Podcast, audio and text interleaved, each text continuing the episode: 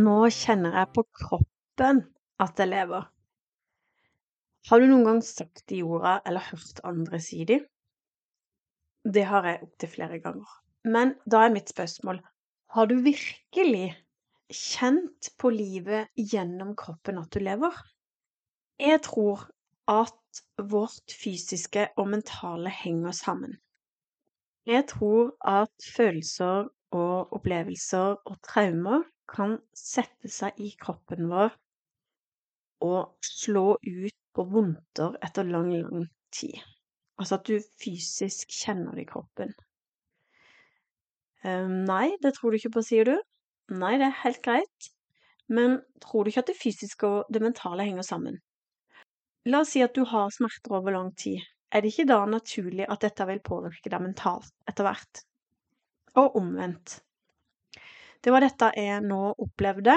Jeg var helt på felgen. Jeg funka ikke verken i kropp eller i hode. Eh, det ene toppa seg etter det andre. Man sier at en ulykke kommer ofte ikke aleine. Kanskje det var litt sånn, men det var ikke ulykker, men det var opplevelser som var veldig kraftig kost for meg akkurat der og da. Og når vi da ble innkalt til et møte, og jeg gikk fra det møtet med en følelse at jeg var knebla, og jeg følte meg utestengt fra min sønns liv. Det var da jeg skjønte at jeg trengte noen til å hjelpe meg med noe som jeg ikke klarte sjøl. Og da dukka jo det ikke tilfeldig, men etter mange hendelser etter hverandre så dukka da tankefeltsterapi opp i min livsbane, i min retning. Det gjorde at de tinga som satt i kroppen av følelser og tanker og stress og alt som foregikk i hodet, det klarte å slippe. Så jeg gikk inn døra til um, en dame som driver med balanseterapi, og jeg gikk ut igjen av den døra som et nytt menneske etter én behandling.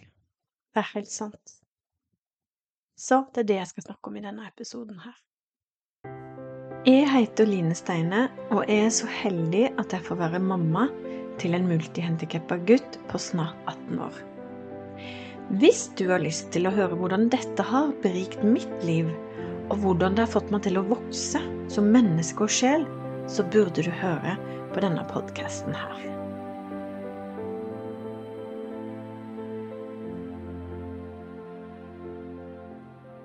Hvem var jeg hvis jeg ikke skulle være rundt sønnen min hele tida og ta meg av han? Hva var meninga med å stå opp om morgenen når han ikke var i senga si? Det var jo det jeg hadde gjort de siste 17 åra av mitt liv, og det var jo dette jeg følte at jeg var skapt for. Det var han som gjorde at jeg hadde lyst til å stå opp om morgenen, og det var dette som var min livsoppgave. Hva skulle jeg gjøre nå? Jeg som var vant til å gå og stå hele dagen og skjenke meg en kopp kaffe, og som regel så var den pisslunka når jeg skulle drikke den, og, og det er jo det de fleste foreldre opplever når de er nybakte mødre. Jeg, som ikke hadde tid til å sitte ti minutter, for jeg måtte hele tida reise meg og ordne noe med Jonathan, og tørke han, og han hosta, eller han trengte hjelp. Nå kunne jeg sette meg med kaffen og drikke den varm mens jeg stirra inn i flammen i peisen. Så vi skulle nå venne oss til den nye tilværelsen. Jeg husker jeg og Tor satt i stua en kveld, og plutselig så kikker han på meg, så sier han Hørte du at Jonathan hosta nå? Så ser jeg på han og sier ja, jeg hørte det akkurat. Hva var det her? Hvorfor sitter vi i stua og hører at sønnen vår ligger i senga og hoster på samme tid når han er i leiligheten og ikke ligger i senga si. Det er veldig spesielt. Og da tenker jeg, er det, er det vaner? Er det rutiner? Er det bare sånn det er fordi vi er så vant til å høre det, eller kan det være avtrykk i huset etter at han har vært her? Jeg har ikke peiling, men eh, jeg kjenner at det er litt spesielt. Så nå kom det jo plutselig en ny tilværelse som vi skulle liksom begynne å venne oss til. Ja, nå skulle vi slappe av, nå kunne vi ta det med ro, men jeg var jo helt på tuppa. Men eh, det jeg merka som ga veldig små gleder i starten, eller ganske store gleder i starten, det var det at jeg hadde mulighet til å være en helt vanlig mamma, sånn som alle de andre mammaene. Jeg kunne kjøre de i slalåmbakken, jeg kunne hente de, jeg kunne bli der hvis jeg ville, jeg kunne sjøl gå i bakken når jeg ville, selv om Tor var på jobb. Jeg kunne løpe over til Ida og skravle midt på dagen. Altså, jeg kunne gå ut av huset. Og hvis ungene var ute og lekte, så kunne jeg gå ut og så rope på de, og så liksom Hvis det var et eller annet og ikke jeg fant de, så kunne jeg faktisk leite etter de. Vi kunne kjøre på aktiviteter som fotball, vi kunne være med på dugnader. Det kan hende folk hadde irritert seg over at vi aldri stilte på dugnad, men vi hadde jo ikke mulighet. Men nå kunne vi det. Det var jo kjempegøy. Det var jo så sosialt og hyggelig å få være på dugnader. Eller hvis noen hadde bursdag, så kunne vi kjøre, vi kunne være der og ta en kaffe og slå av en prat og liksom Istedenfor å sende barnet vårt med andre hele tida. Og så var det jo sånn at opp igjennom så hadde det som hadde vært vanskelig da, var eksempel når han mellomste begynte å gå i bakken og skulle stå på ski. Det var jo ikke så enkelt når jeg var alene og Tor var på jobb. Eh, jeg kunne ikke kjøre han i bakken, jeg kunne ikke bli med han i bakken. Han var under en opplæringsfase hvor han skulle lære å stå på ski. Og det er da, det er da du er prisgitt gode venner og naboer. For våre gode venner og naboer, Ida og Kim Robin, har en sønn på samme alder, som går i klasse med vår sønn. Og de to Kasper med i bakken. Ja, jeg, kan gå så langt at eh, jeg må takke de for at han er blitt så god på ski. For det, de to han med, og de lærte han opp, og de hadde tid. Altså, han hadde ikke fått de vanlige aktivitetene hvis ikke det hadde vært for, for de, eller for folk som dro de med. Så det er jeg faktisk kjempetakknemlig for. Og ikke minst, jeg kunne plutselig reise på butikken nå.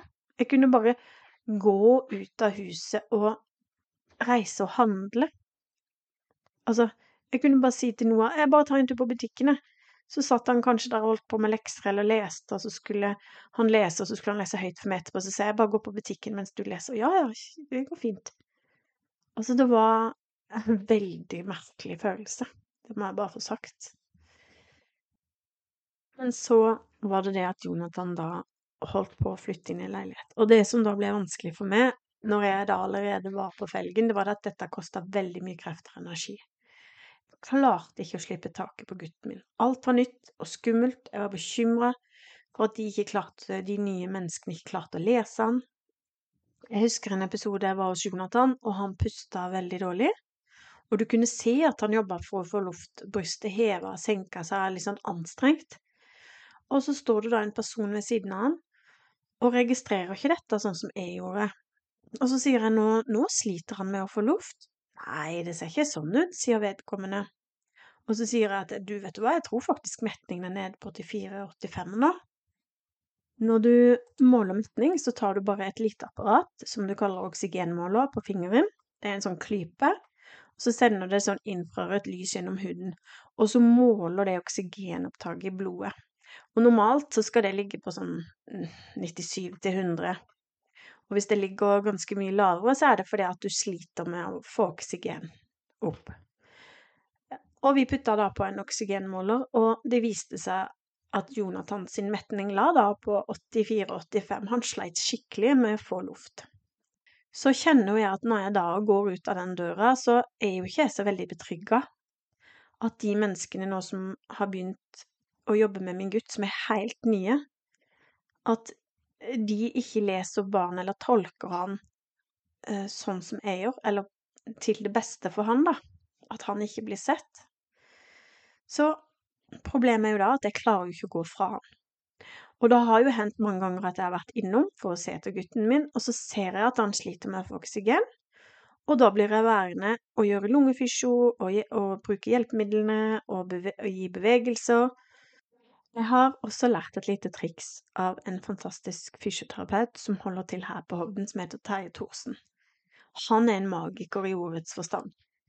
Han viste meg at hvis du tar litt vann på en svamp, eh, eller en teskje i munnen, så gjør det sånn at du hoster opp det slimet som Altså, det løsner det som sitter lengst oppe i halsen. Så enkelt kan det gjøres med lite grann vann. For Jonathan, han sliter da både med litt mye slim og med pust. Og det siste året nå, etter han flytta, så kan jeg observere at han blir redd i øynene. Og du kjenner at det er ikke greit å ikke få nok luft. Når jeg da bare skal innom, kanskje med noen varer eller et eller annet, så har ikke jeg nubbesjanse til å gå fra gutten min før han puster normalt igjen. Og jeg har da kjent noen vibber rundt meg, fordi at hvor personalet kjenner på at jeg blir og jobber med gutten min. 'Å, du må bare gå, vi skal fikse dette, og dette klarer vi', og sånn. Ja, selvfølgelig vet jeg at dere klarer dere, men hva slags mor har det vært om jeg bare kikker på gutten min når han har redde øyne mot meg, og så bare sier jeg 'ha det, mamma drar', jeg skjønner at de klarer å fikse dette, men jeg kan ikke gå fra han oppi det hele. Så på toppen av dette så skjedde det noe som jeg hadde frykta eller skjøvet bort fra tanken min over lang, lang tid. Noe som jeg mentalt hadde forberedt meg på, men som jeg tenkte kanskje at han slapp unna. Jonathan begynte å få problemer med å spise maten sin. Svelging var ikke lenger en bestemt handling, men en refleks. Han begynte å hoste mye under måltidene. Vi hadde jo nå i lang tid gitt gutten vår most mat, men på toppen av den moste maten så kutta vi kanskje opp kjøttet eller fisken i veldig, veldig smått, sånn at han skulle få litt tyggemotstand. Vi begynte jo også ikke mose det helt, kanskje bare med en gaffel, sånn at han skulle få litt tyggemotstand. Men det vi nå så, var at han bare smatta i seg maten, og de små bitene som vi hadde, som vi hadde kutta opp, de ble liggende helt bak i ganen i svelget. Og de kom liksom ikke ned, for han bare smatta det i seg.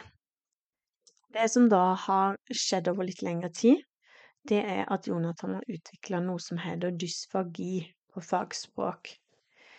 Det kan komme av mange forskjellige ting, men en av grunnene kan være nevrologiske sykdommer.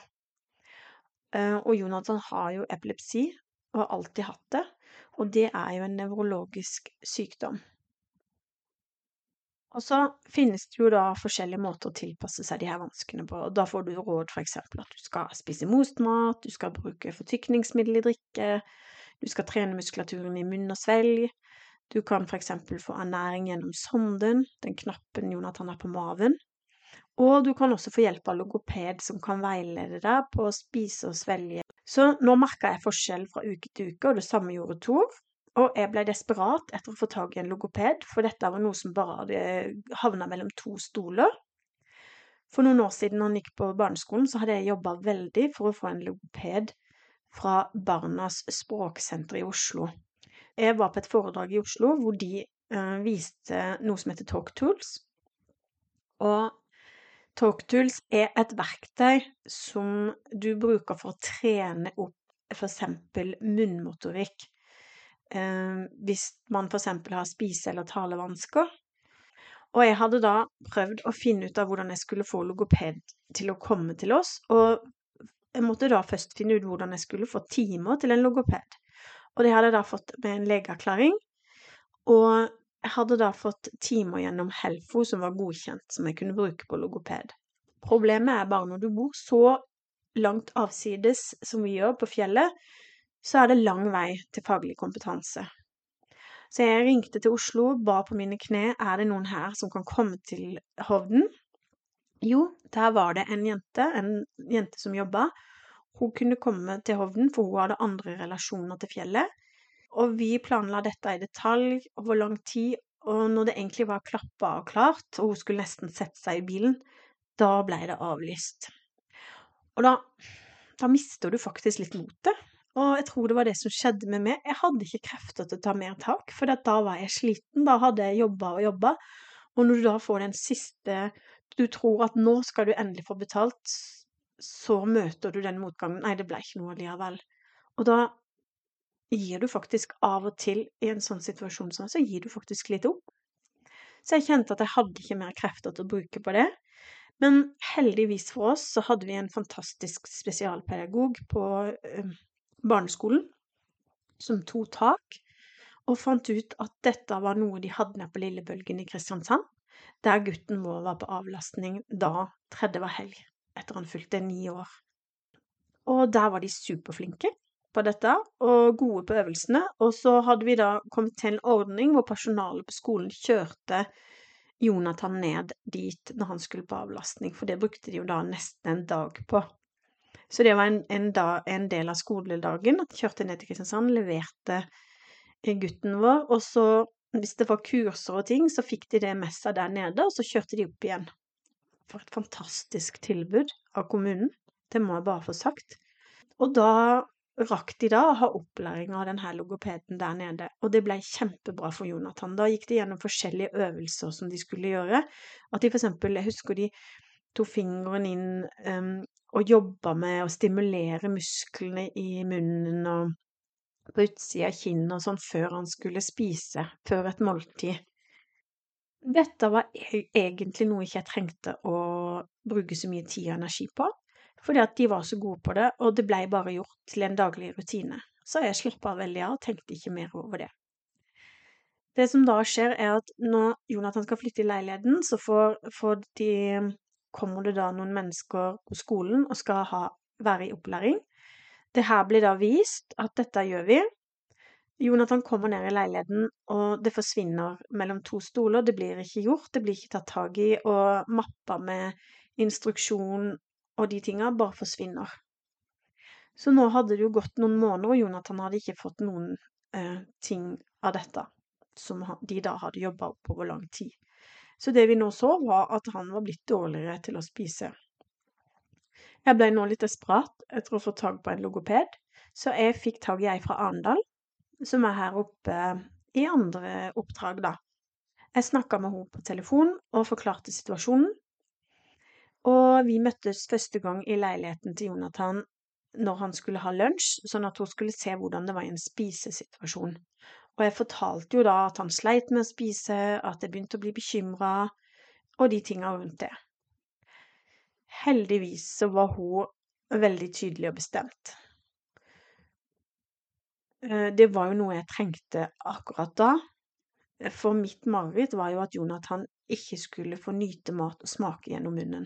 At han skulle rett og slett slutte å spise. Det var det verste tenkelige for meg som mor, og for han. Hun var altså så tydelig at hun sa at hun hadde ikke tort å gi han mat hvis hun hadde jobba der. Så hun sa tør virkelig personalet å gi han mat? Ja, sier de gjør det. Og så sier hun rett ut at hvis han setter skikkelig i halsen, så kan han faktisk dø. Ja, da ble jo jeg litt stressa, hvis ikke jeg var stressa fra før. Dette var jo noe som jeg måtte bearbeide og jobbe med mentalt, men jeg hadde allerede gått gjennom en prosess i hodet mitt. Gutten min elsker jo mat, dette kom da på toppen oppå alt det andre nye som nå skjedde rundt eh, vårt liv. Og jeg kjente at dette ble en slags sorg. Men jeg måtte være et godt forbilde for min sønn, for Jonathan satt der. Um, jeg måtte holde maska, jeg måtte oppmuntre han med at dette ville bli bra for han, hun sa ikke de tinga foran Jonathan, altså, bare så det er sagt. Men jeg måtte jo da være et godt eksempel og si Jonathan, dette blir kjempebra for deg, du slipper ubehag og sette i halsen, og jeg sa jo dette med gråten min i halsen. Jeg syns Jeg bare ser for meg meg sjøl hvis noen bare hadde sagt fra i dag skal du aldri få mat, du skal aldri få smake eller du skal få mat gjennom munnen din mer. For en forferdelig ting. Og dette var liksom mitt barn som skulle gå gjennom. I mellomtida da her, så hadde jo vi blitt henvist til Sunnaas rehabilitering, hvor de er eksperter på spise- og svelgevansker. Um, nå hadde jeg en telefonsamtale med en logoped der, og jeg forklarte situasjonen. For fra den dagen når hun hadde vært der, så, så ga vi bare sondemat i knoppen til Jonathan. Og jeg fortalte da at det var sånn det var nå, at det kanskje ikke var noe vits i at vi reiste inn til Sunnaas, for da skulle de se hvordan han fungerer når han spiser og drikker i forskjellige situasjoner, eller i forskjellige matsituasjoner. Men jeg sa det at akkurat nå så tør jo ikke vi å gi han mat igjen, for da hadde vi kanskje holdt på to uker uten. Men det som hun logopeden da sier, hun spesialisten der inne på spise- og svelgevansker, hun sier da at vi kutter aldri ut å gi smaksopplevelser gjennom munnen. Vi gir det på svam og i tyggenett. Og dette er en viktig del av det å være helmenneske og bruke alle sansene våre. Og da er det òg viktig, som hun sa, at selve smaksopplevelsen, den, den er en sammensatt opplevelse. Og på tunga så har vi forskjellige smaksceller. Så hvis gi Altså hvis vi da skulle gi han en, en eh, smaksprøve, så kan vi ikke bare ta litt på lippa hans, for du smaker ikke så mye gjennom lippa. Du må inn på tunga, du må foran, du må bak, du må på sidene. Så du må rulle rundt i munnen for at du skal få oppleve alle smakssansene dine. Så nå har vi laga rutiner for at han skal få smake det han skal ha til frokost, lunsj, middag eller kvelds, eller drikke.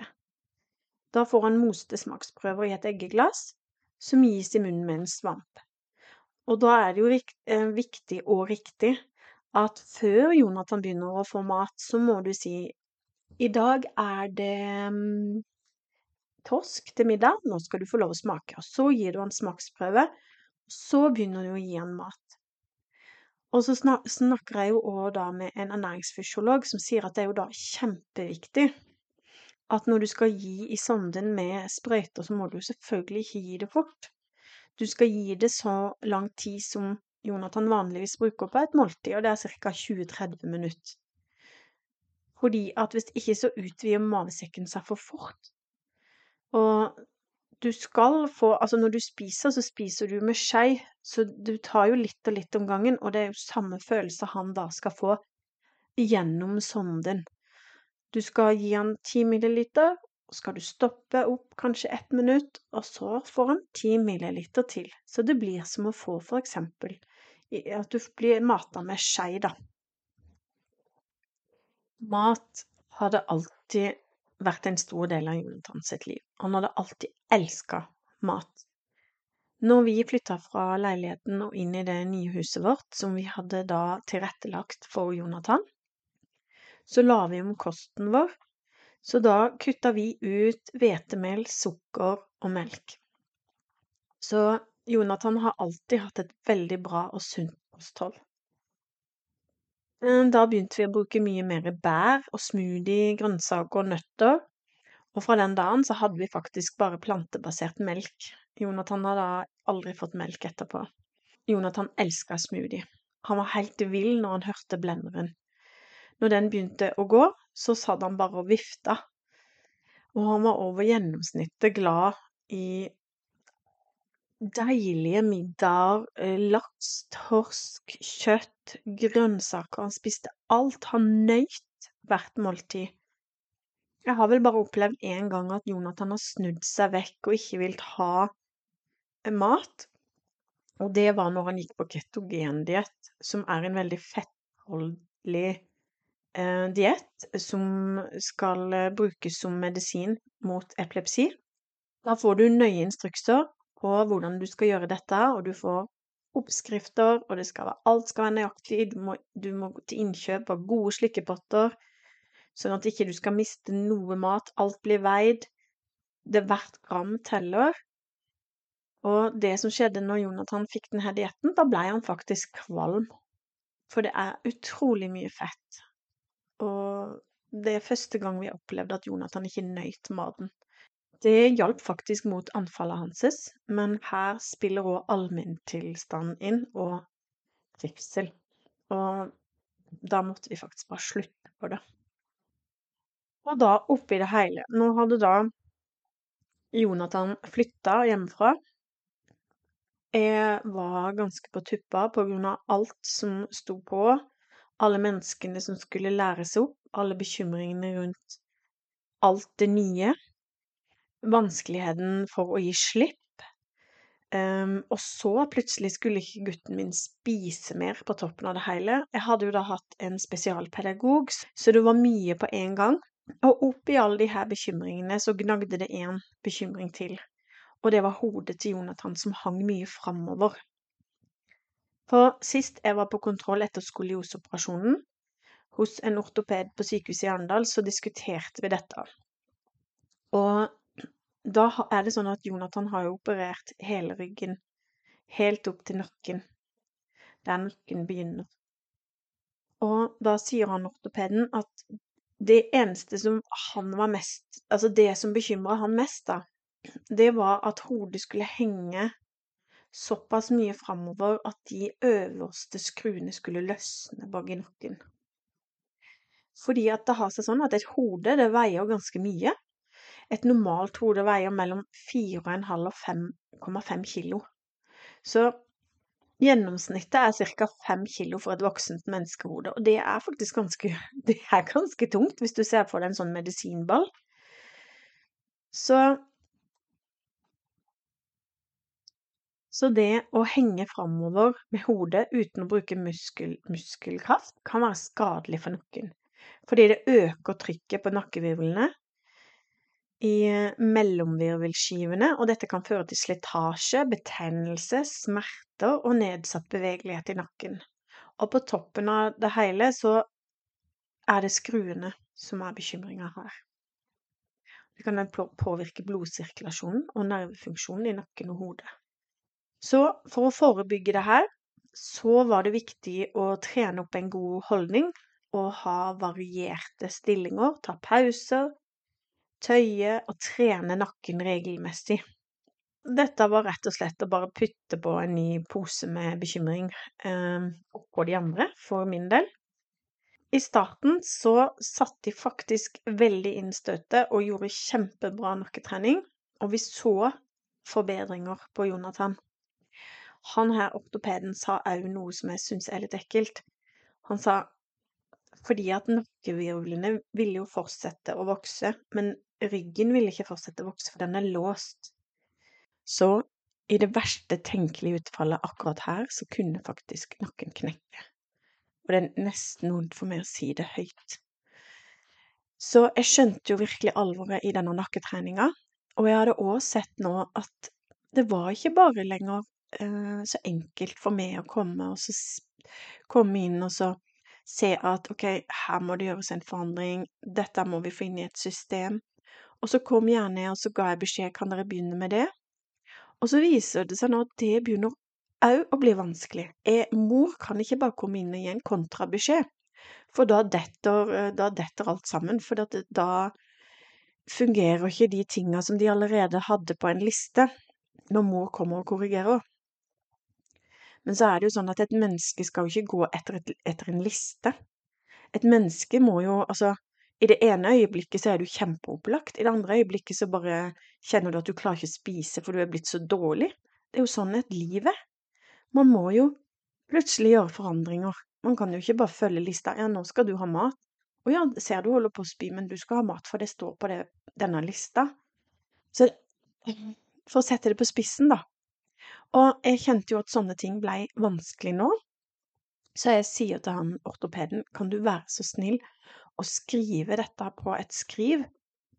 For jeg skjønte jo nå at de ville helst at jeg kom med skriv fra lege, logoped, ernæringsfysiolog, eh, alle de personene rundt fagpersonene. Hvis de kom med en anbefaling, eller hvis det sto på det papiret at eh, det var sånn det burde være nå, da var det greit. Men jeg som mor kunne plutselig ikke bare komme og si at eh, nå har jeg fått beskjed fra ortopeden at vi må trene skikkelig bra med, med nakketrening. For dette er veldig viktig for Jonathan. Så jeg fant nå ut at tyngden fra en faglig person veide mye tyngre enn min egen stemme.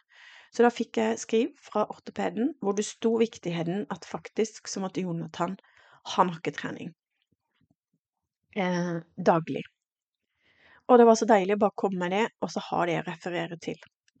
For det at det var mye nye mennesker, så var det jo det at jeg kom inn i den leiligheten, og hvis det første jeg da ser når jeg skal leide etter blikket til Jonathan, at ikke jeg finner det fordi at hodet henger framover, så klarer jo ikke jeg å vente med å ta opp det hodet. Jeg føler jo ikke vi har et sekund å miste på at hodet hans skal henge framover. Så jeg går jo bare rett hen, og kanskje ikke sier hei til de som står ved siden av engang. Jeg bare tilter stolen bakover og retter på hodet til Jonathan, for det er så viktig Altså, det er jo så viktig, og det bare ligger i meg, og jeg må bare fikse det med en gang. Og dette ble jo da et nytt sårt punkt for personalet. For da har du det at mor kommer inn og begynner bare å korrigere og ordne, og da føler jo de kanskje å, skulle, jeg skulle kanskje sett at det hodet hang, skulle jeg gjort noe med det? Eh, og da blir de usikre. Og det er jo, det er jo der jeg gjorde det var jo der jeg ikke trådde så forsiktig, for jeg var jo allerede i overlevelsesmodus, og hjernen min var jo helt på tuppa. Og jeg klarte jo ikke å la være å gjøre de tingene på sønnen min, for det var jo så viktig for meg.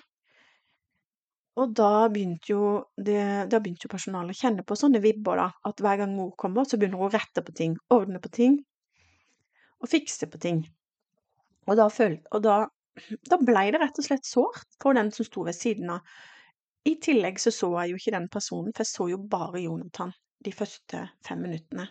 Fortsette å vokse, men ryggen ville ikke fortsette å vokse, for den er låst.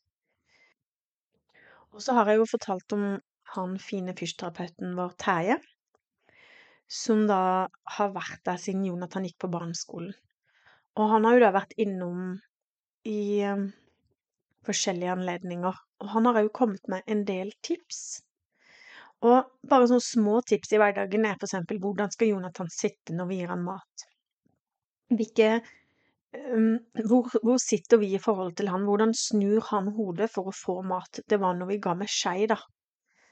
Og hvordan plasserer vi stolen hvis han sitter og ser på TV? Han skal helst ikke plasseres rett foran TV, han skal plasseres litt mot høyre, slik at han må vri hodet litt mot venstre. Og dette er sånn bitte små ting som spiller en kjempestor rolle i en hverdag for de små justeringene og bare trene lite grann. Men det skjer jo stadig den dag i dag, når jeg fremdeles kommer innom, at beskjeder ikke har kommet gjennom. At vedkommende på jobb har ikke fått med seg dette. Det er jo sånn at det er mange nye mennesker å forholde seg til eh, når Jonathan nå får en så stor forandring i livet. Jeg har nevnt det mange ganger, og kan ikke få sagt det egentlig nok, men nå skal jeg prøve å forklare litt hvordan det er. Jeg har sagt det at hjernen min var i overlevelsesmodus, og nå har jeg sjekka opp litt forskning rundt det, og det, noe av det har jeg henta fra en artikkel som heter 'Hvordan hjernen din endres etter traumer', på Utforsk sinnet ditt. Så nå skal jeg lese det som står, for da blir dere litt mer kjent med hvordan jeg hadde det inni hodet mitt. Når hjernen er i denne tilstanden, betyr det at den oppfatter en trussel mot livet eller velvære. Dette aktiverer det sympatiske nervesystemet og stresshormoner som forbereder kroppen på å kjempe eller flykte. Det er en nyttig ressurs når trusselen er kortvarig og kan overvinnes, men hvis trusselen vedvarer over lang tid, kan det ha en negativ konsekvens for hjernen og helsa. Kronisk stress kan føre til at hjernen endrer seg på måter som påvirker hukommelse, læring, emosjonell regulering og mental helse. Noen av disse endringene er Amygdala, som er involvert i frykt og følelser, blir mer aktiv og sensitiv. Hippocampus, som er, vikt, som er viktig for hukommelse og ny læring, krymper og mister nevronene sine. Og så har du en del av hjernen som egentlig er piloten vår, som heter prefrontal cortex. Og det som skjer, at den er ansvarlig for planlegging, beslutningstaking og selvkontroll. Og den blir mindre effektiv og kobler seg dårlig til andre deler av hjernen. Disse endringene kan gjøre at det er vanskelig å tenke klart, huske informasjon, håndtere følelser og tilpasse seg nye situasjoner. Jeg var jo i alle de tinga nå. De kan også øke risikoen for å utvikle psykiske lidelser som depresjon, angst og post, posttraumatisk stresslidelser.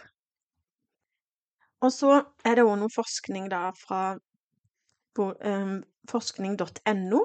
Hjernen styrkes når vi er i bevegelser. Og da kommer Det er derfor viktig å ta vare på hjernen og redusere stressnivået når man er i overlevelsesmodus over lang tid. Noen måter å gjøre dette på er å søke sosial støtte, trene regelmessig, meditere, få nok søvn, spise sunt og søke profesjonell hjelp hvis man trenger det. Og det som er egentlig litt fascinerende, her er det en del av de tinga jeg heldigvis gjorde. Jeg prøvde å trene regelmessig. Jeg mediterte ganske ofte. Jeg prøvde å få nok søvn, og jeg føler sjøl at vi hadde et veldig ok, sunt kosthold. Så noen av de her tinga gjorde jeg da. Men inni her så kommer det profesjonell hjelp. Yes. Og når da oppi alt dette at jeg kjenner på vibbene at det er ikke så greit å være rundt meg. Personalet har det ikke så greit fordi at jeg er i den tilstanden jeg. Men det er jo ingen der som kanskje skjønner egentlig hva slags tilstand jeg er i. Jeg skjønte det, for å være helt ærlig, jeg skjønte det ikke sjøl heller før nå. Egentlig akkurat nå. Jeg tenker bare stakkars meg som hadde det så vilt oppi hodet. Oppi alt dette så fant jeg en stripe av lys i mørket. Det høres veldig dramatisk ut, men lyset som plutselig skinte og kasta et lite blaff i et ellers så mørkt rom, var lyset til en som nettopp hadde begynt å jobbe med gutten vår.